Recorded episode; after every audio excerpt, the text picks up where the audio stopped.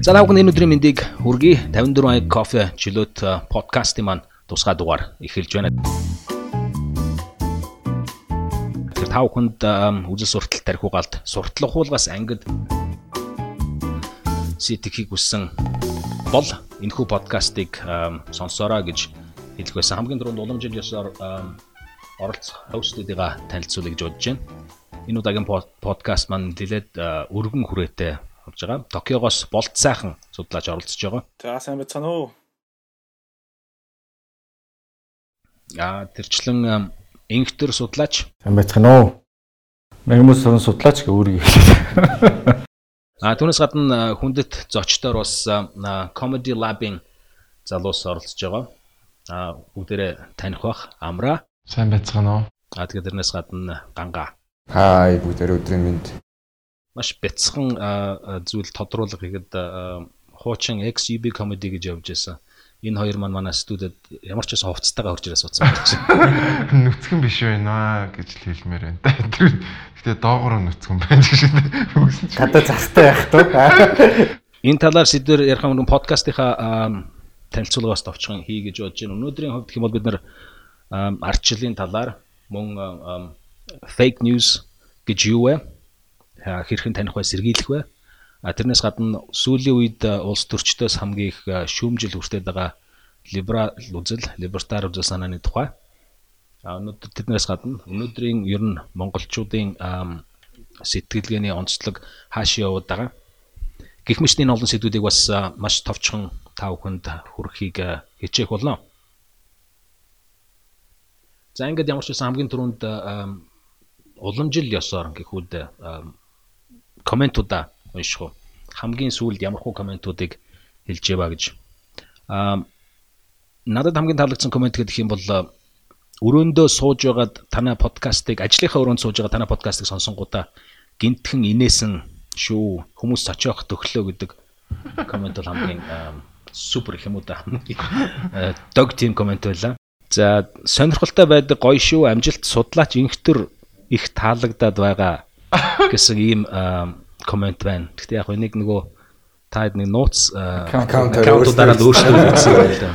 Их нэртэй юу гэж байгаа. Их нэртэй юм болов. Тэгээ эндээс хамгийн онцлоод бас нэг коммент бол юу гэхээр телевизээр улс төр үзгээр яг Монгол улс байхгүй болох гэж байгаа юм шиг. Тэгээд нэг тийшээ зугтаамаарч юм шиг байдаг.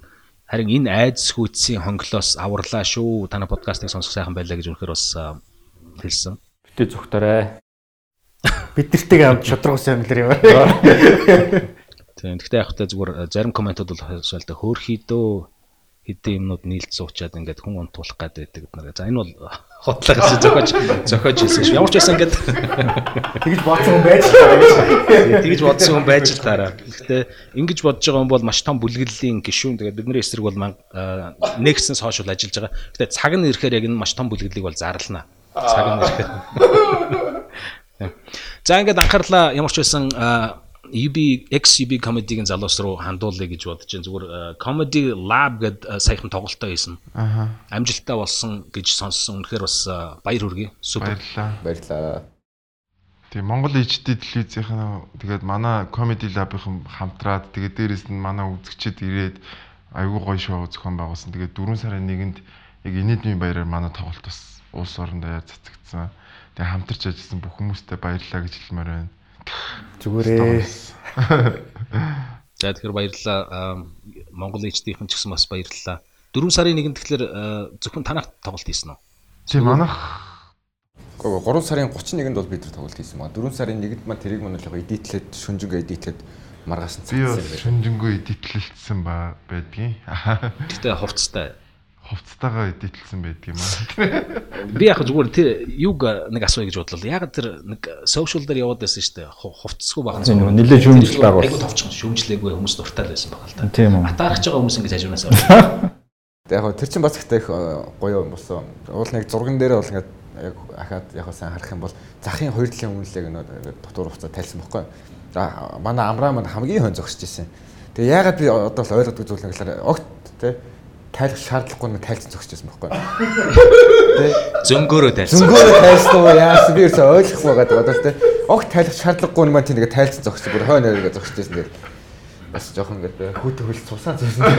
Нэг айдас хүү цон хүн буу тулууслаас илүү бас хойно 40 70 зөгсөж байгаа мөр эвгүй санагдав. Минийх тийм буу шиг болоог байсан шүү дээ. За ингээ ямар ч байсан сонсогчдод зориулаад comedy lab-ын залуус нэг том social дээр явуулсан зургийн талаар тайлбарлая. Бас тоглолтоо амж үнэхээр амжилттай байсан баяр хүргэе. Ягаад чухал юм бэ гэхээр ер нь өнөөгийн нийгэм чинь бас дандаа л нэг тийм хар бараан ч юм уу эсвэл инээх болцсон эсвэл янз бүрийн нэг тийм шок талаас нь эсвэл хөнгөн талаас нь харахаа болчихсон.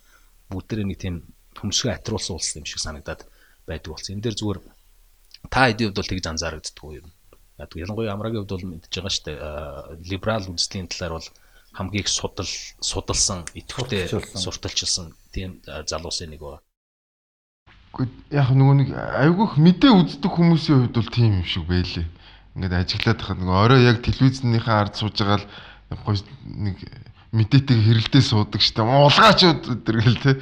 Болж ийн болж ийн тийм хүмүүсийн хувьд бол тийм. Гэхдээ ер нь манай нийтлэг залуучуудын хувьд бол би бол амар оптимист айгу өөдрөг гэдэг штэ одоо бол залуучууд үнэхээр гоё болж байна те бүгдээр ингээд зөвхөн мэдээ сонсоод суудаг штэ ингээд өөр өөрсдийнхоороо суугуудаараа мэдээлэл аваад тэгээд дээрээс нь тэрийг айгу гоё нэгтгэн дүгнээд тэрэндээ айгүй гоё реакц үзүүлээ тэрийг айгүй гоё ёжилж барай тий. Facebook дээр чи ингээд нэг ингээл сенсац болонгууд Facebook дээр чи амар гоё ёжилсан гоё гоё постнууд гараад ирж байгаа байхгүй тий. Тэгэхээр тэр бол амар тэр нөгөө сүулт чи юу боллоо бүр юун дээр айгүй гоё гоё постнууд айгүйх гарч ирсэн. Өнөөдөр чинь цасан дээр чинь ингээл удахгүй бороо орно гэх нэг мэдээ байсан шүү дээ. Тэгсэн чинь энэ их гоё цагаан бороо гэж байгаа шиг тий тийм хүмүүс айгүй гоё юмыг эрэг талаас нь айгүй хардаг болсон үлээ. Тэр бол надад аюун таалагдчихж байгаа. Тэг яг нөгөө манай нэг 40-оос дээш насны ч юм уу тэг яг нэг мэдээ үзээд яг мэдээндээ ингээ автдаг хүмүүсийн хувьд бол магтгүй яг нэг амьдрал үнэхээр нэг шороотой гутгалдаад тий саарл болоод нэг Улаанбаатарын утаа шиг болсон байж санагдчихэж магадгүй. Над руу гарч ирээд. Үуч хүрээгүй л байна. Тий тэгэл Надад бол айгүй гоё оптимист л байдсан шүү дээ би бол. Ямар нэгэн мэдээллийг нэг фильтрдэж авч чадахгүй. Яг нэг ганц суугаасаа юм эсвэл өөрийнхөө итгэдэг бодсон суугаасаа авцсан хүмүүс маань яг тэрүүгээр нь амьдралыг харцдаг. Яг харахгүй тэгээд нөгөө нэг тийм стресстэй байгаа хүмүүс чинь тийм сөрөг мэдээлэл рүү өөр ирэхгүй татагдаад орчтой юм шиг санагцсан л дээ. Зөвхөн цензургүй яриан яриаг л үнэн гэж ойлгодог ч юм уу тий. Яг үздэг одоо амьдрал бол үнэхээр үнэхээр амар болж байгаа шүү дээ. ТV хэсгээ үзээ ТV хэсгээ үнэнгээ бодсон хүмүүс яг тэрийг л үзэл өө ингэ чинь өө нөгөө чинь ингэж байна манай дарга ингэж юм ч юм уу тэгээ явж хахад ТV 20 25 телевизийг үзчихэл тэ нөгөө ямар яриа гэдэг үлээ тэгээ Монгол комент үлээ тэрийг үзчихэл бүр хаад нэг огшоол ингээд тэгээ ямар зоригтой нь ойлгохгүй тэгээ зэрэг тэгээ зовоож ойлуулж тэ уурлуулж уцаалуулж яах гэдэг бол ерөөсөй ойлгохгүй юм байна. А сүүлийн залууч бол бас яг адилхан тэгээ нэг фильтрдээ сурцсан дэмжилж шүү ингэж шүү гэдэг арай өөр өнцгөөс харцсан хүмүүс. Тойр одоо яг үздэг үндсэн сувг бол одоо ганцхан Bloomberg гэсэн үг үү те? Аа. Тэ. Би бол BBC л үздэг те. Аа. BBC тэгээ англиар хэрэгэлтэй лээ. Аа. No. Stop гэдэг. За өнөөдрийн подкастын хамтсан сэдвэр орё гэж бодож байна. За нийт судлаачдынхаа дунд ч нэг ер нь маш товчхон бас өөрсдийнхөө байр суурийг илэрхийлээд явж байгаа. За нэг хамгийн их сонсогдсон юм бол энэ өнөөдөр Монголын нийгэмд болж байгаа бүхэн ардчлалын буруу ардчил ийм байдаг юм уу? Одоо юу гэж байдгийг та нарын босгосон 20 жилийн ардчлалын үр дүнд нь ийм байна гэх мэтчлэн хамгийн гол буруут нь хүн биш ардчил болж хувирч ах шиг байна л да. Энэ тал дээр зүгээр та хэдийн бодлыг байна. Ардчил гэж ер нь яг юу юм бэ? Ардчил гэдэг бол процесс шүү дээ. Миний хувьд тэрнээс одоо нэг тийм тодорхой үр дүн бол биш. Процесс. Тийм учраас нэг хүрчлээ ардчилд хүрэх гээд яваад байгаа ч юм уу хөрөхгүй тэгээд удаа яваад байгаа ч юм уу нэг тиймэрхүү уралдаан муралдаан бол биш. Ямар процесс үү? Энэ бол зүгээр бүх одоо амьдралын хэм маяг шийдвэр гаргалттай гаргалтын процесс олонхороо шийдэг тий бүгдээрээ чөлөөтэй тэрийг шийдвэрээ хилдэг өөрхөө тий хүслээр тэгж шийдвэр гаргаж явах процессыг л арчлах гэдэг бодоод байгаа шүү дээ нэг ингэсэн юм шиг юм надаа. Яг 90 оноос хойш бид нар нөгөө арчил гэж гэдэг үг ярьсан болов шүү. Одоо логик дээр үг үздэг ч тийм тухайн ойлголтоо ингээд цэгцлээд ойлголтоо нэгтгэх үйл ажиллагаа ерөөсөө явагдаагүй. А тэрийг уг нь бол нөгөө ардчлалын боловсрлоор өгж явах хэвээр одоо иргэний боловсрал гэж ярьдаг шүү дээ. Тэрүүгээр ингээд ардчил гэдэг чи яг юу юм? Тэгэд эн чи чи одоо юу юуг хамаардгийг эдэргээд ингээд нөгөө иргэний боловсрлоор өгдөг тэр юм явагдаг учраас манайхны ихэнхийн ойлголтог ойлгоцоор бол ардчлалыг эрхчлөө гэж ойлгодог. А гэтэл яг үндэ ардчлал саяны хэлдэг зүгээр л олонхороо шийдвэр гаргах л процесс. А тэгтээ бас цөөнхөө үндэтгэж тийм үү? Тий. А Тийм. Гэхдээ нөгөө ардчилсан бас дотор аюулгүй холон янз байгаа шүү дээ. Одоо янз бүрийн л ардчил. Одоо хойд солонгос хүртэл ардчсан солонгос гэдэг нэртэй шүү дээ, тий. Тэгэхээр яг либерал ардчлал юм уу, яг ямар ардчлалын гэдэг нь бас дотор ингээд яригадад явчих хэл та. Цөөнхөө хүний эрхийг хүндэлсэндээ ийм ийм ардчлалыг бид нэр сонголоо шүү гэдгээ үндсэн хуулийн дээр уг нь бичсэн байгаа шүү дээ манайхан ч тий. Тэгэхээр яг энэ ойлголтоо ингээд нэгтгэхэд энэ ардчил гэдэг ойлголтыг ингэж маш тодорхой болгоогүйгээс болоод хүмүүсийн дунд ингэж хольц сольдог. Нөгөө нэг хуучин коммунизм, социализмд хүрнэ гэдээ ингээд ажилдаг байсан шүү дээ тий. Яг тэрэн шиг ийм арчилд хүрнэ гэж бодоод идэв юм шүү. Яг нөгөө яг тэр нөгөө зүгээр социализм гэдэг юм уу коммунизм гэдэг үгний хооронд арчил гэдэг үг авиж тавингуудаа арчилд хизээ нэгэн цагт хүрээд одоо бүгдээрээ аягүй гоё амьдрах юм шиг бодоод байгаа байхгүй үгүй. Арчил бол зүгээр өдөр болгон бид нэр шийдвэр гаргахтаа хэрэгэлтгэл хэрэгсэл өөр юу ч биш байхгүй. Амраг сериус нь ярьсан ч амар сонир санагдаж. Болцоохон зүгээр Токиогоос Монголын арчил ер нь яаж харагддаг юм? Энэ дашрамд хэлэхэд бас хамгийн сүүлд өөрийн чинь хамтарч бичсэн нэг артиклыг унссан. Надад бол таалагдаагүй л да яг үнэндээ. Гэхдээ зүгээр хамаа алга тэр миний хувийн бодол ямар байх вэ? Ер нь наанаас чинь Монголын арчил яаж харагдаад байна те? Уу яг хиний Амрагийн хэлж байгаа санаатай одоо хэлсэн үгтэй санал нэг л байна л да. Тэгээ арчлал гэдэг бол би харахтаа либерал үзэл дээрэс нь олон олонхын шийдвэрийг дагдаг демокраси тэр хоёр нийлсэн л одоо тэгээ либерал арчлал гэж яригдж явж байгаа шүү дээ сүүлийн үед. Гэтэ хүмүүстэй ярихаар хөвчлэн арчлалыг бол цэвэр эрхчлөө гэдгээр ойлгодог. Тэр нь ч нэг буруу юм байхгүй л байх л та. Зүгээр миний зүгээс энэ Японоос харахаар ч юу хин живэн а сүүлийн үед хамгийн их санаа зовж байгаа. Чиний дандаа big picture том үнцгэр хардаг. Тийм. Сүүлийн үед хамгийн их санаа зовж байгаа зүйл бол яг нөгөө арчлал маань бэхжилт нь муудаад одоо буцаад дарангуул руу явж байгаа энэ дэлхийн нийтэд гараад байгаа нэг тренд байгаа. Сүүлийн 20 жилийн турш одоо явагдаж байгаа. Энэ трендийг бол улс төр судлаач нар айгүйг судалж бичиж байгаа л та. Тэгээд Польшид болж байна, Унгарт болж байна, Венесуэлд болсон. За Америкт хүртэл Дональд Трампын сонгуультай холбоотой, сонгуульд гарч ирсэнтэй холбоотой бас Америкийг арчлал ер нь бичгээ боллоо, явах боллоо гэсэн аюух яриа гарч байгаа шүү дээ. Тэгээ энэ бүгд дээр суурлаад ерөнхийдөө Монголд сүүлийн үед болоод байгаа үйл явдлуудыг би тайлбарлаж бичсэн л дээ. Тийм. Тийм л зүйл болсон. Тэгээ олонх нь дарангуулыг хүсвэл яах вэ? Тэгэл дарангуул бол шүү. Тэгэл арчлалаар дарангуул болно гэсэн үстэй. Яг л нөгөө Германд болсон процесс шүү дээ. За hypothetical янз бүрийн юм дөр бол яриад хэрэггүй. Зүгээр нэг одоо за арт артчлал гэдээ аваад үзэхлээр өнөөдөр яг хүмүүсийн хувьд бүрэн ойлголт байгаа юм. Төрөних шиг яриад за эн чинь бол процесс юм байна. Олонхын зарчмаар явдаг. А тэгээд цөөнхөө хүндэтгдэг ийм эрхчлөө эрхчлөөний процесс юм байна гэхэлэр яг өнөөдрийн байдлаар Монголд арчил бол байгаа юу? Би их сургуулиуд төгсчөөд хамгийн ихний хийсэн ажил маань улс төрийн боловсролын ахтын багш хийжсэн. Энэ төрөөчсөн бас анх багш хийжсэн. Тэгээ тухайн үед их дэврэн байсан.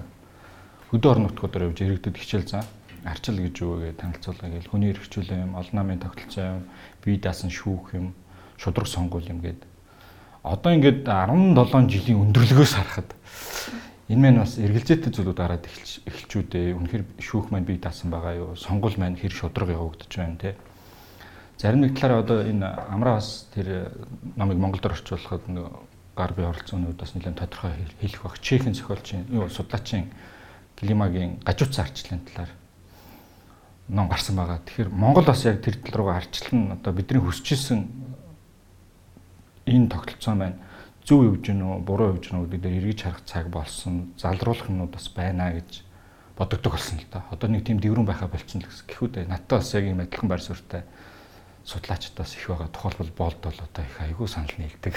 Гэхдээ хамгийн гол нь иргэдийн хувьд одоо арчил гэхээсээ илүүтэйгээр хамгийн их сэтгэл санаа нийлэхгүй эсвэл сэтгэл дундуур байгаад байгаа нь ерөөсөө эдийн засгийн хөгжил юм биш үү?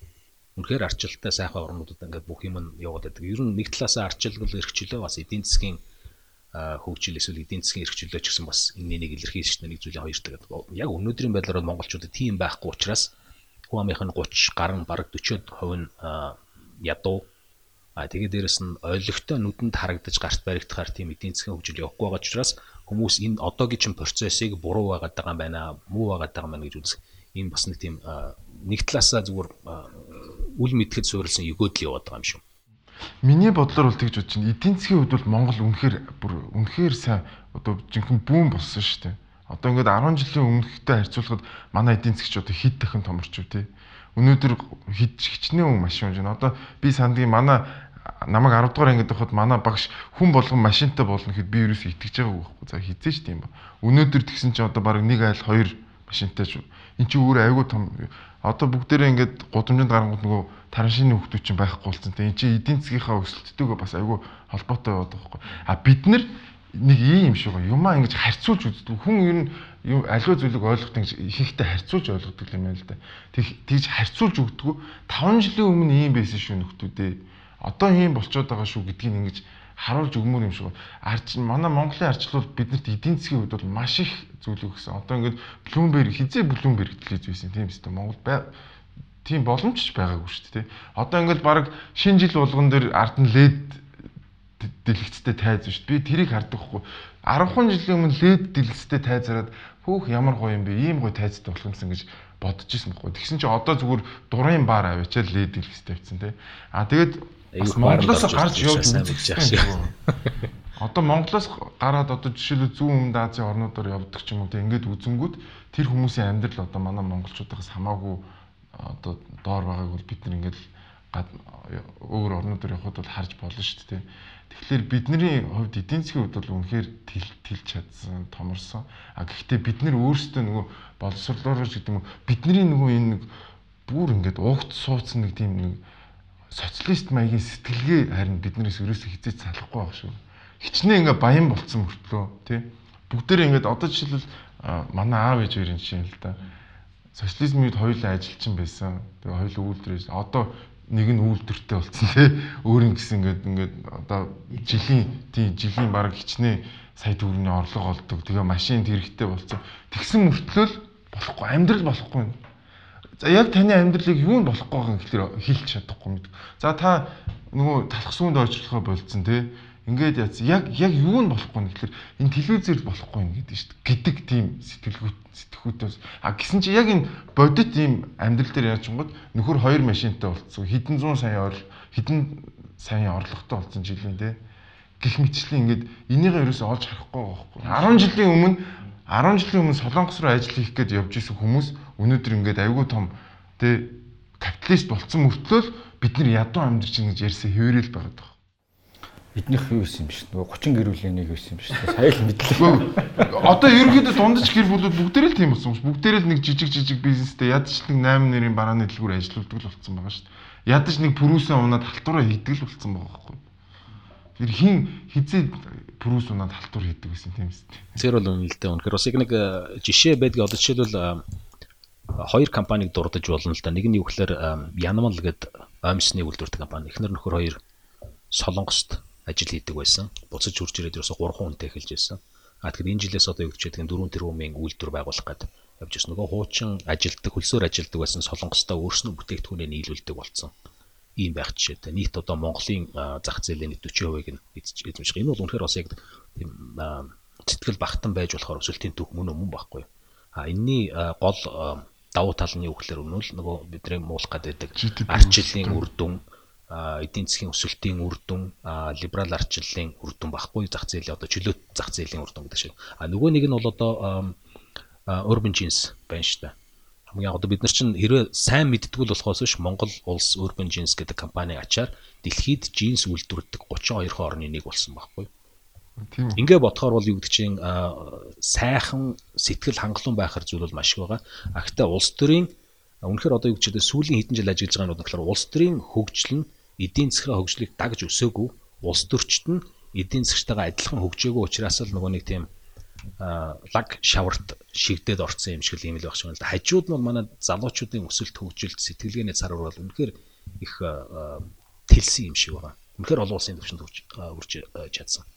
Гэхдээ ямар санд л одоо ингээл comedy lab гэж явж байгаа тийм.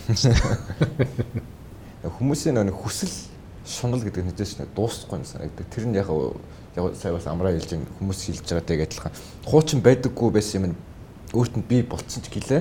Ахаад нөгөө нэг хүсэл шуналдаа автагдаад байхгүй байгааг зовлон одоо нэг байхгүй зовлон гин ингээ мэдрээд яваад байгаа. Бас нөгөө яг одоо энэ хэвлэл мэдээллийн бидний одоо чих рүү нүдэн тарагдах сорсуудыг бүгдийг нэг бидний эсрэг бидний сэтгэлгээний эсрэг ингээд тавьдсан байгаа нэг хэрэглээ. Наач л одоо либерализм шүү дээ. Тийм.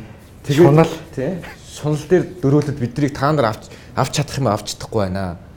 Тэгээ та нарт байх ёстой ма та нар авч чадахгүй байна гэдэг. Тийм тийм учраас та нар ад жаргалгүй байна. Энийг авал жаргалтай болно. Та нар энийхээ төлөө тэмцээч гэдэг нэг зүв зүгээр явж байгаа хүнийг одоо юу гэдэг вэ сэтгэл зүйг таагүй болгоод тэмцэхээс аргагүй болгоод дээр нь одоо тий Монгол ус ямар байлаа гэдэг улирлан таарад хаваршаад ирж байгаа үед нь гээд эхлэнгүүд ямар ч хүн ан хабби болж байгаа юм шиг санагддаг. Тэгэхээр нэг зүйл дээр би бас гайхаад байт юм лээ гэвэл Монголд болж байгаа үйл явдал хэн нэгэн заавал буруутай байх юм шиг. Сүүлийн үед ер нь зөвхөн попууд ямнаас гэлгүүгээр иргэдийн амнаас сонсогдож байгаа зүйл нь тэгэхээр за энэ болгоны буруут нь байна шүү дээ. Либерал үзэлтэй явсны одоо харгаа штэ ч байдаг юм уу. Иймэрхүү юмнууд их яваад байна л. Тэгэхээр энэ дээр зүгээр ажиглалт юу га? Яагаад ингэж буруутахад байгаа юм? Эсвэл үндсэн ойлголтоо мэдэхгүй болоод тэр юм уу? А миний бодлоор бол ер нь одоо орчин үеийн хэмжээ маш хурдтай одоо хөгжиж штэ. Хөгжил асар хурдтай явж. Тэгээд хөгжлийг ингээд гүйцэх гэдэг бол хүн болгонд аюу хэцүү байна. Амар биш. Ялангуяа одоо Ахмад үеийнхэн ч юм уу те. Тэгээд тэдний зүгээс ингээд энэ нийгэмд ингээд хөл бол гүйцэж чадахгүй те. Нөгөө носталжи яваа юу те. Өмнөх нийгмийг санагалцдаг. Өмнө нь бол бүх юм ингээд тодорхой байсан шүү дээ. Ямар нэгэн тодорхойгүй юм байхгүй. За чи ингэн дараа нь тэгнэ хэдэн жилийн дараа тэгнэ тийм замаар явна. Одоо бол ямар ч тодорхой байдал байхгүй байхгүй. Тийм учраас хүмүүс эргээд тодорхой байдал буюу өмнөх социализмын үеийг ингэ нэг санагалцах юм хүчтэй явж байна. Энэ бол зөвхөн Монголд биш. Одоо хойд төвшд байна те. Ингээд газар болгон тийм буцаад энэ ностальжи хуучин үе рүүгээ ингээд санагалцах одоо нэг давлгаач юм уу тийм яваад байгаа. Энэ нь бол юунаас өрлөхлөөр нэг хөгжлийн маань хурд хитрхи их яваад хурдтай явж байна гэж ойлгоод. А залуучууд бол хөл нийлүүлждэг асуудалгүй. А хөл нийлүүлж чадахгүй зөндөө хүн бас байгаа байхгүй. Аль хөлөө нийлүүлж чадахгүй гэсэн. Аа яг шүмжлэх юмуд байна л да. Түрүүн амра либерти хэллээ. Бас сайхан харуул мэдээ сайхан юмуд байгаа. Гэхдээ юг индикатор буюу үзүүлэлт болох гэж харуул. Тухайлбал мэдээж эдийн засгийн хүсэл байгаа ч гэсэн энэ нь хүн болгонд хүртээмжтэй байна уу гэж харахаар бас эргэж харах зүйлүүд байна. Аа баян ядаг ялгаа аюу их хэсэж байна. Тухайл бид нэр яг хойшоо энэ хогийн цаг энэ төр очиод үзвэл яг pop биш л pop очиод байна л да. Гэхдээ тэнд очивол үнэхээр хүмүүс яагаад монгол хүмүүс яагаад ингэж амьдрт юм бэ гэдэг тарамсмаар тийм үр дүнгууд байна. Тэгтэл чин а тэр дотоодын бүтээгдэхүүний өсөлтийн ихэнх хувийн хин хүртээд байгаа. Тэгээ одоо шинэ амраагийн 30 гэрүүл хүртээд байгаа мó эсвэл бүгдэнд нь хүртээмжтэй байна уу гэдээ эргээд харуул энд бас настай зүйлүүд бас харагддаг юм лээ.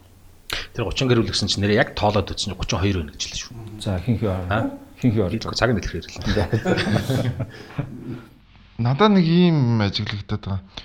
Яг хүмүүс ерөнхийдөө нэг ийм мэдрэмжэн дээр суурилж их ярьдаг юм шиг байна. Нэг ингээд те хүмүүс ингээд нэг ядуу байгаад тах шиг байна ч гэдэг юм уу те. Яг датан дээр хүмүүс нэг ахтар суудаг юм шиг. Одоо жишээлбэл ингээд юуны Скандинави орнуудын талаар ярихдаа ингээд тэд нар бол социалист гэж зүгээр ингээд хүмүүсийн ярьсан үгнээс нь сонсчдаг юм. Зүгээр надаа яа таны асуулттай холбогдуулаад яагаад зүйлүүд энэ либерал ардчлалыг ингэж их үгүйсгдэг те ардчлалыг ингэж их яадаг юм бол болоод байна гэхээр энэ манай төр төрийн зардаг мөнгө маш их ихсэн байна нэгдүгürt. А тэгэд яагаад тэр хүмүүс баян ядуугийн ялгаа гэсэд байна гэхээр нөгөө нэг төрчин шудраг бусаар мөнгийг хуваарлдаг тий бид нар өнөөдөр ч өнгөл ярьж байгаа шүү дээ. Одоо манайхан чи ингээл авилгал ихслээ мэхслэгээр энэ авилгал гэдэг чинь өөрөө шудраг бус хуурилтууд явж байна гэсэн үг. А хоёрдугаарт манай саяхан нэг шууд цэгмэн дээр нэг юу график гарцсан байсан бүр айгүй гоё график. Төсвийн хэмжээ нэмэгдэх тусам одоо манайх чинь 2008 оноос хойш баг бидний зардаг төсөв чинь баг хэдэн 10 дахин нэмэгдсэн байгаа байхгүй.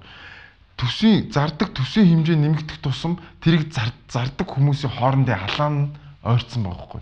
Засгийн газрын насжилт нь төсвийн хэмжээ ихсэх тусам богиноссон байгаа даахгүй. А энэ цаана юуг агуулж байна гэхэлэр төр томрох тусмаа тэр чинь амар том ашигтай бизнес болцсон байна. А ашигтай бизнес болцсомоо нөгөө либерал ардчил чинь төрийг баг баг байх тухайл номлодог штэ. А тэр хүмүүс тэрийг баг болох ямар ч сонирхолгүй байгаа байхгүй. Алаан их байх тусмаа эсэргээр нөгөө нэг хоорондоо алдчихж байгаа хүмүүс чинь улмал төрөө томруулах, улмал нөгөө төсвөө ихсгэх тийм л нөгөө пропагандаг ард түмний одоо дунд иргэдийн дунд хийж байгаа байхгүй. Тэгэд энийг ус хүмүүс ерөөсөө олж ирэхгүй. Төр томорхын хэрээр нөгөө нэг ардчил руу дайрдаг, нөгөө илүү дарангуу маягийн бодлогууд чи их явдаг. Татвараа нэмдэг, тэ шүүх засаглалыг өөртөө авах гэж оролддог. Энийний цаан чи юу бодох юм гэхээр төрийн зардаг энэ нөгөө эзэнгүү мөнгө чинь ихсэх тусам энэ нөгөө ардчил чи өөрөө эмзэг байдалд орж идэг. Угаасаа энэ зөвхөн Монголд болоод байгаа үйл явдал биш. Ерөөсөө дэлхийн хаасаагүй.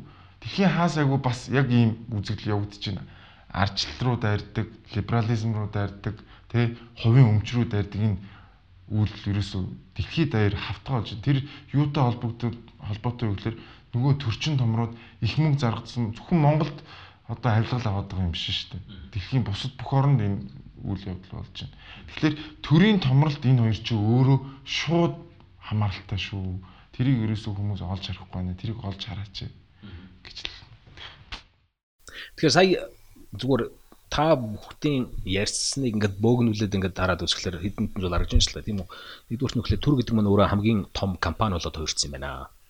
А хоёрдугаар хамгийн том ажил олгогч. Тэгэхээр хамгийн том худалдан авагч. Эдийн засгийн хамгийн том нөлөөтэй тоглогч болсон мөртлөө бас улс төрийн хамгийн их нөлөөг үзүүлж байгаа учраас тэр хэрээрээ э, иргэдийн амьдралд маш их үүрэг ролтой нөлөөтэй оролцдог болсон. Тэгсэн мөртлөө тэр том компанийн захирлууд нь ч юм уу эсвэл ямар нэгэн байдлаар маш богинохон хугацаатай ажил хийдэг болсон. Тэгээ хоорондоо уралдаад байдаг. Хийж чадах юм нь юу гэхээр татварын хэмжээг өсгөж байдаг юм эсвэл ямар нэгэн байдлаар төсвийн зарцуулалтыг өсгөдөг, төсвөө данхаалгадаг, төрийн бүтцийг данхаалгадаг. Ийм учраас л одоо энэ сүрэг бүх зүйлүүд гараад байгаа юм байна гэж ойлгож болох надад.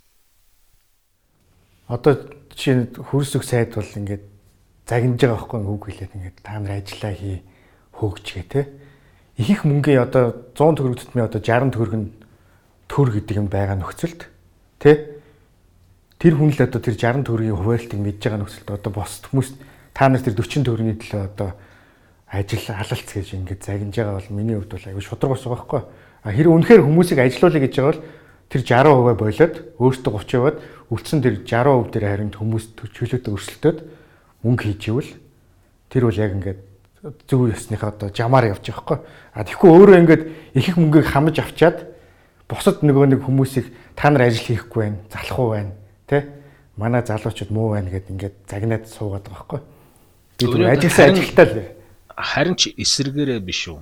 Монгол нэг тийм санжигнаад суул ажиллаад байгаа тэр төрийн машиныг илүү их сайн чанга болгох зангидах тал дээр илүү сайн ажиллаж байгаа шүү. Гэхдээ ерөнхийдөө зүгээр тэр хүний мессежүүд бүх залууч хандсан мессеж байгаа байхгүй зөвхөн төрийн албаа гэгч биш. Яг төрийн албаа гэгчдэг бол угаасаа тэр хүн загнах хэрэгтэй. А тэгвэл ингээд Монголын бүх одоо залуучуудыг ч юм уу ингээд за та нар ажиллахгүй байна. Одоо амьдрал чинь муу байгаа бол одоо та нарын ажил хүн шинж гэж загнаж байгаа боловч өөрөө бүх мөнгийг боломжуудыг өөр дээрээ төвлөрүүлсэн үед ингээд хилээд байгаа нь бол шудраг бос гэж санагдаад байгаа байхгүй. За тэгвэл э, энэ сэдвийг түр хаагаад подкаст бас дараагийн э, хэсэг рүү орё гэж бодлоо. Энийг үгээр fake news буюу одоо хуурамч мэдээ. Зөвхөн Монголын маань ч асуудал биш, дэлхийн дахны асуудал болчихсон.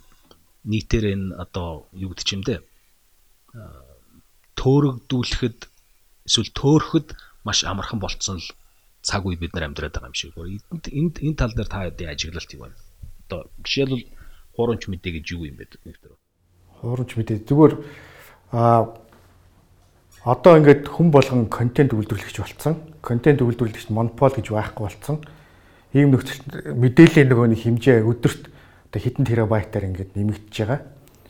Бүх мэдээг ингээд хүн болгон уншиг бол угаас барагдахгүй юм мэдээ. Тэ? А өмнө нь бол тэгээ тэн дотор хуурамч мэдээлэл мэдээлэл хуурамч биш үү үнэн үгүй юу гэдэг ялахад маш хэцүү болсон. А дээрэс нь юу бид нэр хуурамч мэдээ гэдэг болохоор харыг цагаан гэж хэлхийг бол хуурамч мэдээ гэж өмнө ойлгодог байсан байхгүй. Одоо фейк ньюс гэдэг бол тэгсэн чинь би ингээд хараад байхад ерөнхийдөө мэдээллийг дутуу өгөх. Тэ? Тэр бол одоо айгүй том фейк ньюс болчихж байгаа. Одоо жишээ нь за ингээд арц намын гişүүдийг одоо сунгалт сунгалтай пассвортаар үйлчлэхгүй гэж мэдгчээ гэдэг мэдээ гараа л та. Тэ? Тэгэх юм бол энэ үнэн үү үнэн? Гэхдээ зөвхөн арц намын гişүн биш бүх Монгол улсын иргэдэд одоо тий сунгалтай пассворт яахгүй гэдэг мэдээг нэг хүн бичгтээ Зөвхөн Арс намын гişүү те Арс намын гişүүд сунгалтай баазгтар үйлчлэхгүй гинэ гэх юм бол энэ бол фейк ньюс болчихж байгаа байхгүй. Үнэн үнэн. Тэн дотор Арс намын гişүүн чинь Ардын намын гişүүн байна. Гэхдээ тэр дундаас одоо зөвхөн энэ хэсгийг аваад хүмүүст өгч байгаа бол энэ чинь фейк ньюс болчихж байгаа. Гэхдээ судлаачийн хувьд судлалаа л да.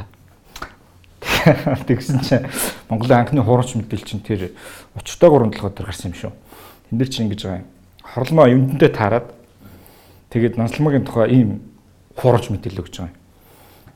Залхаа этгээдтэй нийлж залуу чамааг нэхлэн богтолж авах гэсэн хүүхэн чинь балгантай нөхцөд оцсон шүү гэдэг ийм хуурж мэдээ. Гэхдээ чи эн чинь угаасаа хүний заяам шинж өгөөд бүр эртнээс одоо монголчуу те дэлхийн ард түмэн бол хуурж мэдээлэлээр нэг нэг хангаж те хэрэгцээ хангаж иржээ л гэж бодож байгаа шүү дээ. Амра миний хувьд нөгөө хуурж мэдээлэл гэдэг нь ихэнхдээ ер нь бол хуулийн хуурамч мэдээнүүд ихэнхдээ хүний логик алдаан дээр суурилж идэг. Жишээлбэл одоо cherry pick гэдэг логик алдаа гэдэг тийм. Уг нь бол тэр одоо мэдээлэл нь үнэн те. Одоо Монгол улсад ядуучууд маш их байна. Тийм учраас Монгол улс бол маш ядуу орн болсон гэд ядуучууд их байна гэдэг нь одоо жишээлбэл үнэн. А гэхдээ тэр чигээрээ ядуу орн гэдэг нь бол бас худлаа болж байгаа байхгүй тий. Тэгэхээр иймэрхүү нөгөө хүний логик алдаан дээр тулгуурлаад тэгээд нөгөө хүнд өөрийнхөө хүсэж байгаа тэр мэдээллийг өгөхийг би бол фейк ньюс гэж ойлгож байгаа. А энээс яаж сэргийлэх юм бэ гэхээр хүмүүс хизээч аль болох нөгөө тухайн мэдээлэлээ дандаа чеклж юм юм шүү. Доот нь 3 их сурвалжаас тухайн мэдээллээ чек Гэхдээ одоо бүх мэдээллийг л чеклээд байх шаардлагагүй шүү дээ тий. Яг үнэхээр өөртөө хэрэгтэй чиний нөгөө шийдвэр гаргалтанд нөлөөлөх тэр мэдээллийг ядаж 3 их сурвалжаас аваад чеклж ядах юм бол Эн чинь дахиад нөгөө нөгөө логик л юу шүү дээ тий нөгөө тухайн мэдээллийн үннийг үнэн эсгийг авцсанахын тулд та ядаж нэг гурван их сурвалжаас тухайн нөгөө ойлголтынхоо талаарх мэдээллүүдийг авчираа л гэдэг л зүйл واخгүй тий. Гэх мэт ч нэг иймэрхүү иймэрхүү юм сурч юм бол хичнээн одоо фейк ньюс байгаад гурван их сурвалж дээр очиод тэнцээ чинь гацтгэл واخгүй. Яг үнэхээр бүгд ядуу байгаа мүү гэл ингээл хайгаал үзэх чинь шал өөр юм гараад ирж шүү дээ. Фейк ньюс нь гурван гурван гэсэн чинь гурлаа фейк байв яах. Тийм магадaltaй. Тэгэл одоо өнгөрч юм. Одоо гохин л болно.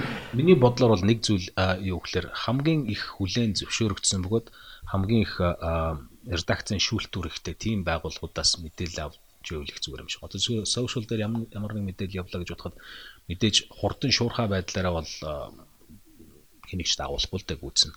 А тэгвэл яг үнэхээр бодит мэдээлэл байна уу гэдэг дөрөв ямраг хэлдэг шиг шийдэл шийдвэр гаргахын өмнө хамгийн зөв юмны үгээр давхар шалгадаг тий одоо юу гэж байдаг юм сонинууд бол хамгийн сайн редакцтай шүү дээ. Аа тэгээд тогтцсон телевизүүд бол сайн редакцтай. А ингээ аваад үзэх юм бол хамгийн их сайн байнгын мэрэгжлийн ажиллагаатай тийм редакцууд бас л илүү их мэдээлэл авал зүгээр юм шиг юм болгон дээр савч өгөөд. Миний бодлоор бас нэг юм байгаа. Ер нь одоо нэг хилцүүлэг шүү дээ. Ер нь хүн төрөлхтний одоо нэг хэдэн мянган жил яваад одоо цорын ганц олсон үнэн рүү ойртдог арга бол ерөөсөө хилцүүлэг арга шүүхтэр бид нэр яг л хилцүүлэг хийдэг чинь хоёр төлөг суулгаж байгаа л хилцүүлэг хийгээд тэгээ тэнцэнээсээ арай илүү үнэнд ойрцсныгоо бид нар үнэн үнэнд үнэн гэж үзэж байгаа шүү дээ. Ер нь альва зүйлийг одоо би бол Twitter, Facebook дайгуу баярлдаг. Twitter, Facebook дээр ямар нэг мэдээ явангууд тэрний доор ингээ хилцүүлгүүд явдаг. Өө наадах чинь тэгсэн нөхөрштэй гингүүд доор худлаа яриад ингэсэн гэдэг. Ер нь бол альва зүйлийг ингээ хилцүүлэг маягаар хийх юм бол нөгөө фейк ньюс бол айгүй амархан одоо яг нөгөө яг одоо нэг яс ингээ нэг махта яс байлаа гэхэд олон талаас нь мүлжид яг жинхэнэ ясыг гаргаж байгаа тийм ижлэгэн процесс л гэж би боддог. Тэгээд альва зүйлийг нэг тийм хилцүүлэгт оруулах тусмаа тухайн зүйлийг илүү үнэн рүү илүү ойртдог юм шиг санагдав. Гэхдээ сошиалын нөгөө талын юм бол чи өөрөө сошиал дээр яг өөртөө адилхан боддог хүмүүстэй ингээд нэг хүрээл болох шүү дээ, байхгүй юу? Одоо Facebook мэдээллээр биш одоо эмоцороо холбогдоод. Одоо хобби моб яг сэтгэдэг яадаг юм чи ингээд френци ингээд хүрээлчин чамтайг адилхан яадаг хүмүүс идэх байхгүй. Тэгэхээр ингээд чамааг юм бичгээр бүгдээрээ ингээд ихэнх санал нийлээл өстой зөв ингээд тэ ингэх ёстой ёстой гэж юунууд комментүүд ирдэг. Гэтэл ингээ өөр групп руу шал ондоо групп руу ороод харахаар тэнд шал ондоо ингээд опинион байж идэг тий. Тэгэхээр бол сошиалын хувьд бол миний хувьд бол тий сошиал одоо ингээд фейк ньюсыг одоо жаач хийх тий шүүх тэр бол сошиалд маш бага гэж бодож байна. Яг л гэхдээ чамтаа санал нийлэх магадлал өндөр. Тэгвэл яг өөр опинион орж ирэх магадлал бол тэн дээр хамаагүй бага. Жижиг хүрээнд харуулт юм. Одоо жишээлбэл одоо сошиал медиа хилцүүлэг гээд одоо сүүлийн жишээ юм л да. Одоо ингээд хуульч нар ингээд одоо мэдээний агентлагууд өөр өөрсдийн гэсэн байдлаар ингээд нөгөө хилцүүлгүүдийн энэ зүйлүүдийг хийж л байна л да. Одоо нэг агентлагын гачрангүүтээ Монголд бол одоо яг энэ энэ хууль бол маш хэрэгтэй хууль байсан юм аа. Ийм юм учраас хэрэгтэй байсан гэдэг нэг мэдээ гараад ирж байгаа. Тэнгүүд дараа яг тэрний дээдл бас нэг мэдээ гараад ирж байгаа.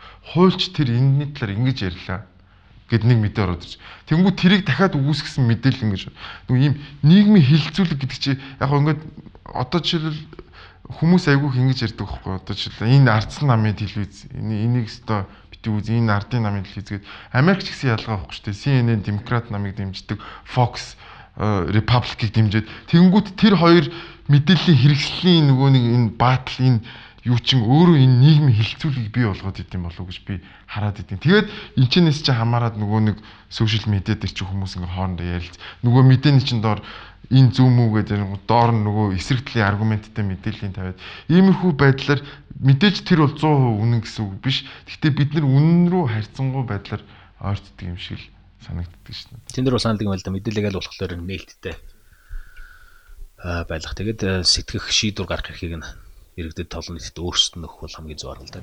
Фейк ньюс гэж юу гэж хардаг вэ гэхээр яг нэг хүний ирэх гэж хардаг байхгүй юу? Хүний ирэх. Фейк ньюс авах хэрэгтэй гэж. Тийм авах хэрэгтэй авахгүй байх хэрэгтэй байхгүй? Эсвэл э, одоо миний бодлоор тэр хүнд энэ нь зөв өө, энэ нь буруу гэж ямар нэгэн одоо тулгах шийдвэр юм уу тийм мэдээллийн сувг гэдэг маань юу гэхээр мэдээлэх үүрэгтэй болохоос биш аль нэгэн одоо байдлаар нь хөвийлгэх юм уу дүүлэх тийм биш тэр хүн өөрөө бодоод өөрөө сэтгэх нь би ингээд харж байгаа байхгүй постуудыг Чинцааш яг бидний зураг дээр энэ залуус шиний гой сэтгэж тэ гэж байгаа нэг нэг газар пост дээр хүмүүс тийм байх тийм байна шүү дээ зөрөгтэй завс мэлж байгаа байхгүй. Яг тэр постыг тэр хүн өөр газар шалдан банднер гэж тавьж байгаа гэсэн орон зөөр нэр хүүл таар шалдан байсан юм шүү дээ. Тэгээ уур тэгээ хувцтай харцаг бол тэ. Тэгээс доор нь алан тал гэж байгаа байхгүй. Тэгвэл энэ юу гэхээр хоёр хүнд хоёр өөр мессеж өгч байгаа байхгүй. Яг нэг зураг хэлнэ.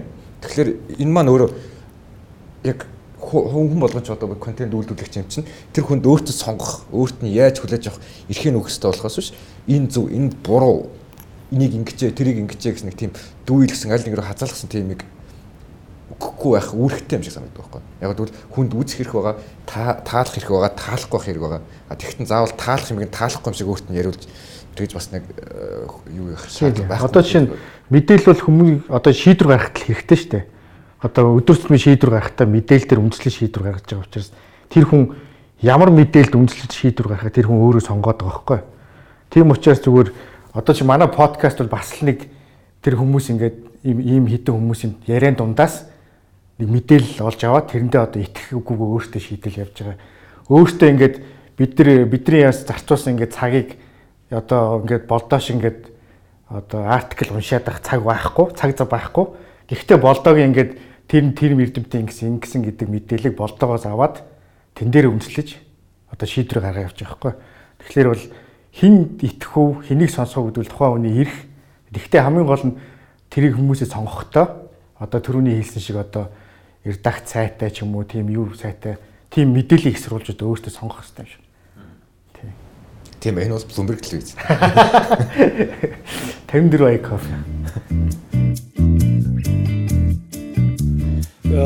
fake news гэдэг гэдэг үг маань 2017 онд одоо word of the year гэдэг штэ тэгээ 17 оны хамгийн шилдэг үг хамгийн их хэлэгдсэн үгээр тодорсон. Тий хамгийн сүүлд хамгийн их одоо fake news гэж ярьж байгаа хүн бол Donald Trump, Америкийн ерөнхийлөгч. За Америкийн ерөнхийлөгч өөрийнх нь одоо 19 үгнийх нь 9 нь худлаа байдаг хүн өөрөө өөрөөг нь шүүмжилж байгаа. Хэлсэн үг болгоныг нь одоо факт чек хийдэг чөлөөт хэвлэлүүдийг Washington Post-ыг, New York Times-ыг ч юм уу те. Тэрийг бол дандаа fake news гэж одоо доромжилдаг. Тэгээ энэ болохоор иргэдийг төөрүүл ажиж байгаа юм л да. Тэг ингээ фейк ньюс жинхнээсээ байдгүй байдаг. Аа дээрэс нь ус төрчид бас өөрөөх өөрийг нь одоо шүмжилдэг хэвлэлүүдийг фейк ньюс гэж шүмжлээд эхлэхээр аа хүмүүс бол алинд нь итгэх юм итгэе болчдөг. Ингээд зөв мэдээлэл авч чадахгүй иргэд бол ихэвчлэн буруу улс төрийн сонголт хийдэг, чадваргүй улс төрчдийг сонгодог. Нөгөөдөл нь гарч ирээд улс төрийг оронгоор нь эргүүлдэг. Тэгээд тэнгуул буцаад чөлөөт хэвлэлд итгэх итгэл байхгүй болчдөг. Тэгээд ингээд чөлөөт хэвлэлд итгэхгүй болоод ирэхээр мэдээж одоо хэвлэл мэдээллийнхэн маань өөрийнхөө үндсэн ажиллаа хийж чадахгүй болж штэ тий. Улс төрчдийг хянаж чадахгүй, хариуцлага тооцож чадахгүй а ийм байдалд хүрээд байгаа л та. Тэгээд одоо Намайг Америкт байж хахлаа хамгийн их яригдчихсэн инээдэж гэх юм уу одоо жишээ нь гэхэд Fox телевизээр бол Обамаг ерөнхийлөгч байхад бараг 4 жил шахуу Обамаг бол Кenya Кенд төрсөн. Америк хүн биш гэж мэдээлэл затсан. За үүнийг анх ярьсан бол Дональд Трамп байсан тухай үед. За тэгээд төрснийхөө гიშлэгийг үзүүлчихээ хийж чаддсан бол гэр Америкийн ерөнхийлөгчийг тэгээд одоо шаардаад идэг Обамаг дэмжиж байгаа хүмүүс нь болохоор чи Обамаг хар арьстай болохоор ингээд арьс өнгөний үзлэр ингэж шал худлаа мэдээлэл түгээж хүмүүсийг төрөлдөлд оруулж штэ гэж шүмжилж байсан. Тэгээд эцэст нь Обама одоо Америкийн хамгийн анхны төрсний гэрчлэгээ олон нийтэд телевизээр харуулсан ерөнхийлөгч болж таарсан. Гэхмэчлэн одоо инээдтэй юм шиг боловч бас ханиадны сэтгэнгүүд байна л да. Гэтэ Трамп бол сая Оростой бол хувилдаг тогтогдсон шүү дээ. Трамп гоо. Манай ахалтай. Фейк фейк ньюс гэж чинь угаасаа фейк ньюс гэмээр гарч иж гэдэг үгнээс үссэн юм шиг. Фейк юу нэ?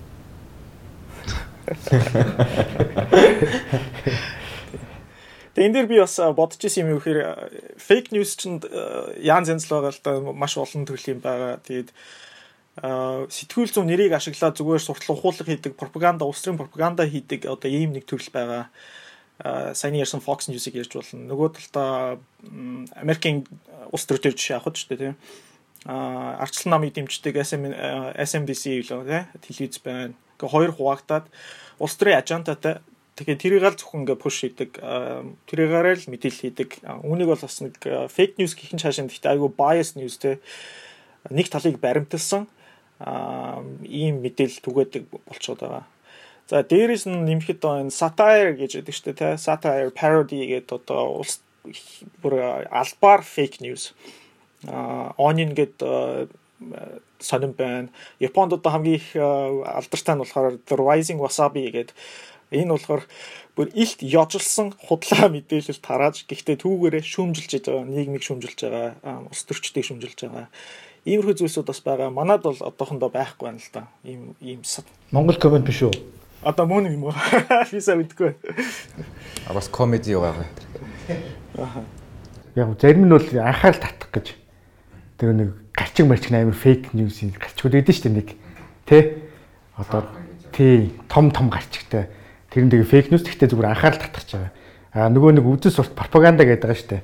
Тэр бол яг зүгээр зорилгоо эхлээд тавьсан Тэгээ тэр зоригтой тааруулаад мэдээгээ ингээд өөрчилөд байгаа байхгүй. Тий, яг тэгж харагдуулна гэж. А зарим одоо гайгүй одоо жинхэнэ фейк биш одоо одоо хариуцлагатай юмнууд болохоор яг байгааг нь ингээд бүх одоо юунаас нь чек их сурвалжийг ингээд шалгаж байгаа тэгээд хүмүүс хүргэж байгаа ийм л ялгаа байдаг шүү. Би долгионоос сумар юм л да. Одоо шин тийм хурамч мэдээлэл амархан асуулт асуу. Хурамч мэдээлэл өгсөн бол ингэнэ гэсэн тийм сэтгүү олон нийтийн мэдээлэл хэрэгсэл тийм ёс зүйн ч гэдэг юм уу ямар нэг хариуцлагын механизм байд юм уу? Гүтгэх хууль байгаа. Гэхдээ тэр хууль эрхлэн хувьд бол нэг дутагдаад байх юм доор Монголд бол байхгүй бах. Тэрийг хэрэгжүүлж гэнэ гэдэг л байгаа л да. А редакцийн төвшөнд э, яаж явдаг вэ гэхээр хоёроос дээш их сурвалжаар баталгаажуулах гэж явждаг байхгүй. Тэрний үгээр за одоо юу гэж хэлнэ те мега судлаач мегмор сүрэн юу ажээ эвэртэй болчихжээ гэдэг нэг мэдээ байж илээ гэж бодоход тэр эвэртэй болчих гэдэг нь хин харсан А тэгвэл тэрнээс гадна өшөө тэр э, анхдаг чиг сурвалжтайгаа хамаагүй хоёр дахь чиг сурвалжаар баталгаажуулсны дараа тэрийг онээр буюу одоо цааш нь эфирээр дамжуулах эрхтэй болж байгаа байхгүй. А түнш одоо сонсонгуудаа юу гэж нэг хаана хааны газараас нэг Twitter хүмүүс social пост харангуудаа шууд тэрийг явуулчих юм бол бас очир дутагдaltaй л гэсэн үг. Энэ дээр л яг ялгаа байгаа юм. Хэдийгээр хичнээн сайн мэдээлэл орж ирлээ ч гэсэн хэдийгээр тэр мэдээллийг цацсны дараа тухайн хэвлэл мэдээллийн байгууллагад давуу тал юм уу хурдан шуурхай байдал эсвэл мэрэгжлийн үднээсээ давуу тал гарч ирэх ч гэсэн батлагдхаас нааш тэрийг цацах эрх байдгүй л гэсэн үг л дээ. Уулна уу? Уг нь тийм. Зүгээр та сонирхолтой байж магадгүй нэг тийм сонио яг фейк ньюстэй холбоотой хүн төрлөخت яг 1000 ойролцоогоор нэг 500 жилийн турш ялаг дөрөв үлдэг гэж боддог байсан гинэ. Тэгээ яасан гэж Аристотл анх ялаг дөрөв үлдэг гэж хэлсэн. Тэгээ хүмүүс болохоор Аристотл хэлсэн юм чинь ингээл дөрөв үлдэг гэж бодоод яваад. Чи сая бахан гар уцаахад ийм мэдээлэл хагнасан юм. 1000 1700-аад оны үед тэгсэн чинь нэг хүү яг ялааны хөлөг тоосон байхгүй нөгөө ньюсийн ингээд яг фактын чеклсэн чинь ялаа 6 хөлтэй гэж дараад. Тийм фейк ньюс байна. Тэрнээс хүн ядаа хараад хараад энэ ингэж байдаг нөгөө аргументум авторити гэдэг нөгөө логик алдаа байдаг хөө нөгөө лаг хүн хэлсэн учраас үнэн гэж ойлгодог тийм логик алдаа байдаг. Тэгээд тэр логик алдааны хамгийн том жишээ гэж явдیں۔ Аристотлийн нөгөө аргументум авторити логик фаласи гэж яваад. Японд хэвлэл мэдээллийн алдаа гаргахад өсөөл мөсөөл ирэл амар юм болдсон шүү дээ тий. Аха. Тэр нөгөө мэдээ хийсэн хүн халагдаж малагдаад захирал нь энтэндээс гарч уушлахгүй байж байгаа л уйлж мэлээд амар сүртэй юм байна. Манай Монголд бол уушлаараа байтгаа тийм юу ч байд юм шиг. Юу сүртэй. Сүртэй шүү дээ. Сурааг юм шиг хэлдэг л дээ. Хүн хэмжээ алдсан шүү дээ. Тэгэл бол нэг уран хэлээ тий. Яг энэ дэр л ялгаа болтой. Тэгээд зүгээр өө хойд Оросд саяхан нөгөө фейк ньюсийн хууль батлагдсан шүү дээ. Тэрэн дээр бол одоо бүх хэвлэл мэдээллийн хэрэгслээс гадна Facebook-ийн сошиал ч орцсон байгаа байхгүй. Тэгэхээр тэр бол юу юу гэж юм фейк ньюстэй тэмцгээсээ илүү зүгээр хүмүүсийн нөгөө нэг юу хянчиж байгаа байхгүй. Юу постлж байгаа. Тэгээ хүн юу ч постлж болно шүү дээ ер нь бол тий. А тэгтэл одоо Европын орнуудыг харахад бол ийм хууль зөндөө яригддаг фейк ньюсийн хэсэг. Тэгтээ батлсан Франц байгаа. Европт бол а бусад орнууд нь бол хилцэл яваад байдаг. Гэтэ гол хилцүүлгийн юм нь юу гэхээр одоо бид нар бүгдээрээ сошиал медиа дээр контент гаргаж байгаа. Тэгээ бидний бүх постыг хянах юм уу, хин хянах юм, тэрийг хүн болгоны үнэн худлаа хин шалгах уу? Чи бүтчихгүй ажил байхгүй. Тэгэхээр Европын нөгөө хууль тогтоогч яаж ийм гэхээр платформ руу ингээд хариулах нь өгөө. Платформ гэдэг нь Facebook компани. Тэ? Та нар иймэрхүү юм байвал ингэж одоо цензурт төстэй одоо ингэж байх хэсгүү гэдэг юг нь платформ руу өгье. А тэрнээс постлж байгаа тэрийг хэрэглэгч болгон руу ямар нэг ингэж хариуцлага хүлээх шаардлага угаасаа боломжгүй юм байна гэдэг тэр бүгдээрээ санал нийлж байгаа шүү. Ер нь та бүхний харж яснаар хамгийн алдартай фейк ньюсуд одоо юу вэ? Монголд ч гэдэг юм уу? Олон улсад ч гэдэг юм. Ажилласан зүйл байна. Одоо дурдаад ингээд хүмүүсийн санамжааг баяжуулчихаар. Хамгийн анх тэр 4 сарын нэгэнд албас барьлаа гэдэг чинь амар том фейк ньюс шүү тухайн үед. Тэр чинь хэдэн онд 90 хэдэн онд юм уу?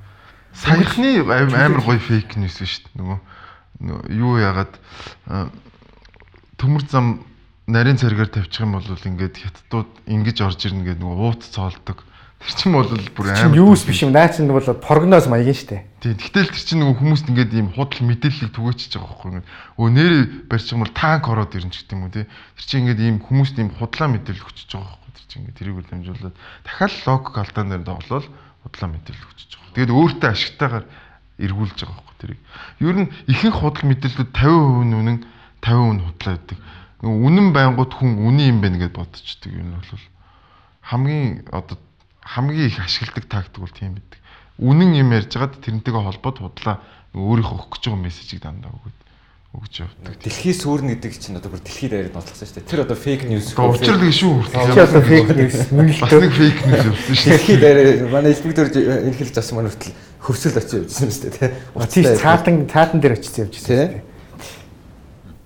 Яг одоо та бүхний нэр үнэхэр за энэ бол ёстой нэрээ үнэхэр мундаг фейк ньюс байсан дахир тийм байна. Одоо Трампыг Оростой хамтарч сонгуульд яасан гэдэг бол маш том фейк ньюс. А бас нэг сонгуулийн үеэр амар хамгийн их фейк ньюс гардаг шүү дээ. Нэг цихва өгтөө гэд тэр чинь бүр амар явсан шүү дээ. Тэгээ бүр ээж дээр очиж үйлж иж яасан шүү дээ. Ер нь нэг сонгуулийн үеэр айгүй их фейк ньюсуд явдаг шүү дээ. Саяхан ч гэсэн ерөнхийлөгчийн сонгуулийн үеэр айгүй их фейк ньюс явсан шүү дээ. Тэгээ нөгөө нэг батал нөгөө няцаалт өгөх боломжгүй цаг хугацааны юугаар нь оруулаад тий нөгөө сурчлагаа хийж болохгүй өдрийнх нь яг өмнөх нь фейк ньюсуд гаргахдаг тий. Тэгэхээр няцаалт өгөх ямар боломжгүй байдаг тэрийг нь ашигладаг нэг тийм бууга технологи байгаад байгаа л тийм энэ хүн судлаач мэг одоо түрүүнээс хойш бодволянад ямрыг нь ярих уу гэж бодоод байгаа юм шиг. Айгүй олон фейк ньюстэй харьцдаг болохоор гээд тэр юун дээр Twitter нэг баах явсан кофен дээр шар тос хийж уудаг ч одоо фейк ньюс үү юу бодтой тэгж уух хэрэгтэй юм. Яаж кофе судлаач амраа байлгүй дээ тий. Кофе шар тос ууж болдог л байлгүй дээ. Хин нэг нь уусан л байх. Хүмүүс уугаад битгэл сэтгэл мэтгэлээ бичсэн шүү дээ. Ер нь болж гин гайгүй юм байна мэн эдэргээ тий. Юу гэхдээ тэн дээр одоо маргалда за яг маргалдаж хилцүүл гэж болно л да. Гэхдээ зарим хүмүүс бүр илт бухимдсан маягтай байдаг юм. Кофенд шартос хийгээд тахдаг яадаг юм чи юм уу одоо ч гэдэг юм. Тийм. Цовнд байцаа хийлээгээд бухимддаг хүмүүс шиг л байхгүй. Тэгээ хийж л байна шүү дээ. Байцаа цов гэж байдгүй. Манай хоёрноос хоорондоо зодтолчихсон шүү дээ. Үгүй болно гэд. Саяхан Daily News дээр гарсан байсан шүү дээ. Юу кофе ууж байгаа бол бид нар шил юу лээ суул турлага доллар шийдэж байгаатай адилхан. Би тэрийг хаяа бүр ингээд яг нэрийн дурцсан дуусна. Гэхдээ хаяа бүр шүүл төргөн гэмээр юм уу эсвэл нөх бөглөх гэж тийм биш юм уу. Хаяа бүр ингээд уншихлаар бүр үнэхээр ирдүүцмээр юм уу тэнийг юм уу гэж бодохоор ингээд нийтлэл гардаг байх. Эхлээд би хүртэл гайхсаар ингээд кофе уухлаар одоо бид нар одоо энийг суултуулга доллар шээж байгаатай адилхан гэсэн үг. Ягаад бид нар ууж болохгүй байгаа те.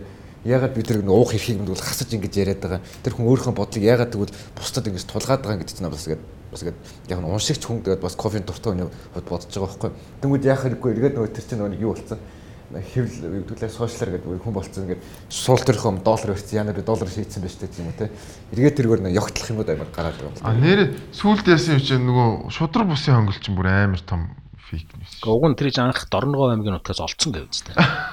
Тийм үү? Тийм хонгол ээ. Тэр таарсан сүүлд нь нөгөө хин Дидсайд инквайрын ярьжсанаар бол нөгөө шудраг усын хонгол чинь бас жижигхэн дүүтэй болж таарсан тэр дүү нь болохоор бяцхан хонгол гэдэг нэртэй. Тэрийг нь одоо хуучин нөгөө ерөнхий сайдаас Норвег алтан ягч өөрөө эзэмшдэг бол таарсан. Түлхүүр энэ хааны газараа нууцсан байсан юм шиг. Асраагад бас нэг хонгол байсан тийм ээ. Нэг гэрэлтэй жижигхэн гэрэлтэй нэг хонгол. Тэр гэрлийг харж мөн чи олон жил явсан шүү. Сайн нэр хэний гаргасан юу нөгөө нэг баяр цогт дээр гаргадаг би юу аваад ирлээ Швейцараас ингээд юуг нь аваад ирлээ мэрлээ гэдэг. Одоо байж байгаа ингээд. Манай судлаач мега тааз руу хараад хурууга хурууга заагаад эхлэхээр нэг ноцтой юм ярьсан. За одоо гоё юм ярих гэж байна. А түрүү хэлсэн нөгөө Аристотелийн багшийн багш Сократ Сократич нь бол тухайлбал тухайн эрх хэрэгчд бол талбай дээр гарч ирээд олонхын санал хураагаал цаазлах үгээл цаазлах гэдэг шийдвэр гаргуулж байгаа юм л да. А арчлын шууган гэж ойлголт байдаг. Тэр нь болохоор хүмүүс хуурамч үнэн мэдээлэл өгөөд тэр дорн шийдвэр гаргуулахаар хүмүүс сэтгэл хөдлөлтөд автаж шийдвэр гаргадаг гэдэг. Тэр мэдээлэл үнэн байх худлаах ерөөс хамаахгүй. Тухайн эмоцоор явж. Хуурамч үнэн гэж юу гэсэн бэ? Аа, орчин үед сошиал медиа, интернет гэдэг нь өөрөө энэ мэдээллийн шууган, арчлын шууганыг их үүсгэсэн. Тэгээ тэр дотор чинь маш олон хуурамч мэдээлүүд явж идэг, явах боломжтой.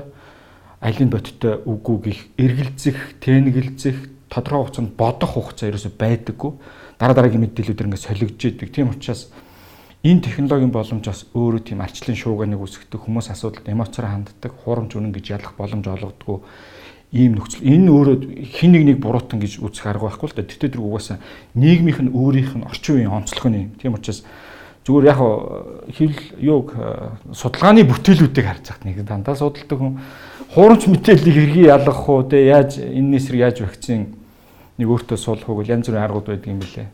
Тоохгүй орхих ч гэдэг юм уу эсвэл сэтгэлийн хөдөлгөөнөөр автахгүй байх, их сурвалжийг нь маш сайн нэгтлэх, түрүүний долгионы хэлж байгаа хідэн сурвалж дээр энэ мэдээлэл бодиттой байна гэдэг их байдлаар мэдээлэлд нэлээд дүн шинжилгээ хийх боломжуудыг бас иргэд олгодог. Тэгээд мэдээж тэр хүний ирэх бас мэдээлэлд харьцах хандлагаас бас болох л байгаа л та. Судлаач биш хүний үүднээс хэлэхэд бол маш амархан л байгаа шүү дээ хөдөлгөө. За хамаалга. Өөрийн ерөөсөө хүмүүс яах вэ гэхээр өөрснийг тийм итгэлийн тойрог гэдэг нэг юм мэдээлэл авах итгэлийн тойрог гэдэг өөрөө зурчих. Роберт Де Нирогийн хэлсэн юм шүү дээ. Circle of Trust. Яг тэр киног үзчихсэн байна. Тэгээд холбоотой бодож байна. А тэр гэдэг. Тэр киног үзсний дараа ямар сэтгэл төрөх вэ гэхээр яг тэр итгэлийн тойрог гэд мэдээлэл авах үүднээс тэрийг зурчих. А тэгэд аль мэд аль байгууллага аль хэвлэл мэдээллийн агентлаг хаанах хамгийн найдвартай хуурамч биш мэдээллийг өөрт чинь эсвэл олон нийтэд нийлүүлдэг юм бэ? Түлхэл тэрүүгээр л явуул та. А бусдыг нь болохоор орчих хэрэгтэй байхгүй. Тэгэл сошиалоос мэдээ аваад бүхэндээ алуурлаалч гэдэг юм эсвэл ямар нэгэн байдлаар өөр өөр ингэ мэдээлэл аваад тэр тэрэн тэрнийхээ үндсэн дээр ингээ савлгаатай байх шаардлага байхгүй ийм л зөвлөгөө байгаа шүү дээ. А түнсэж бол хизээч нь хуурамч мэдээлэл зогсохгүй бодиттой мэдээлэл хизээч зогсохгүй зогсохгүй энэ хоёр бол хоорондоо байлцсан хэвээрэл байна шүү дээ угаасна. Сая энэ мегагийн хэлдэг дээр нэг юм нөгөө яг ардчлалын сул тал чи яг энэ ихгүй. Ягаад фейк ньюс гараад байна гэхэлэр ардчил чинь нөгөө олонхороо шийдвэр гаргах процесс шүү дээ. Тэгээ нөгөө Джон Стюарт Милли On Liberty гэж зохиол дээр гардаг байхгүй. Нэг ер нь бол олон хизээч рационалар шийдвэр гаргадаг гэнэ. Дандаа эмоцтоор тулгуурлаж шийдвэр гаргадаг. Эмоцтоор бол монголчууд дандаа л тэгдэг. Яасан? Ер нь бол зөвхөн Монголд биш. Угаасаа энэ дэлхийд даяар тийм үү? Ягаад дэлхийд даяар байгаа бүх юм Монголоос үүсэлтэй байдаг юм байна лээ. Тэрэн дээр бол битгий марга. Яасан гэдэг гисэн чи одоо жишээл юу гэдчихэд юм те. Мэрэгдүү дайрлаа гэх тэнгууд нь ерөөсө жадаа аваад гарах ёстой. Бодох ямар шаардлага байхгүй. Зүгээр л эмоц. Хрээдүүд наашгаа гарсан байна гин гэдэг юм бол сэлмээ аваад ерөөсө гарах ёстой, мориндоо мортох ёстой. Тийм учраас юу нөгөө бодох процесс бол монголчуудад бол дараа нь явдгаа гэдэг нь бол ойлгомжтой байхгүй яг энэ дээр бол одоо шин хуурамч мэдээ гэдээс гадна хуурамч нэр бас их байд юм шиг байна. Тухайлбал бүгд наймд арчилсан солонгосоос тий. Ливери гэдэг болсон байна тий ардын нам гэсэн мөртлөө баахан өөр тодорхой бүлгийн нам байна. Ардсан гэдэг мөртлөө ерөөсөө тэрийг хамгаалдаггүй нам байна. Тэр шиг бидний зэрэгэд бас нэг хоромч нэртэй хүн суугаад байгаа юм санагдаа одоо Liberty амраг. Ер нь яг өөрийн чинь бас нэм Liberty гэдэг мөртлөө цаана дандаа өөр юм фашизм энэ төргээ бодож явдаг гэдэг хань тэр талаар өөрийнхөө байр суурийг хэлээ. Зүгээр гой сонсогдоод байхаар нэг юм нэрлсэн. Хөөхөнд байхгүй болохоор. Гэхдээ яаж ч дампуурлаа дампуурлаа гэдэг энэ подкастын нэр шиг юм дампуурч болохгүй байхгүй юу бас тий. Анх их гоё ихсэн шүү дээ 54 кофе гэдгийгсэн. Тэгэл тиймэрхүү л бодолтой энэ дөө тэгээд.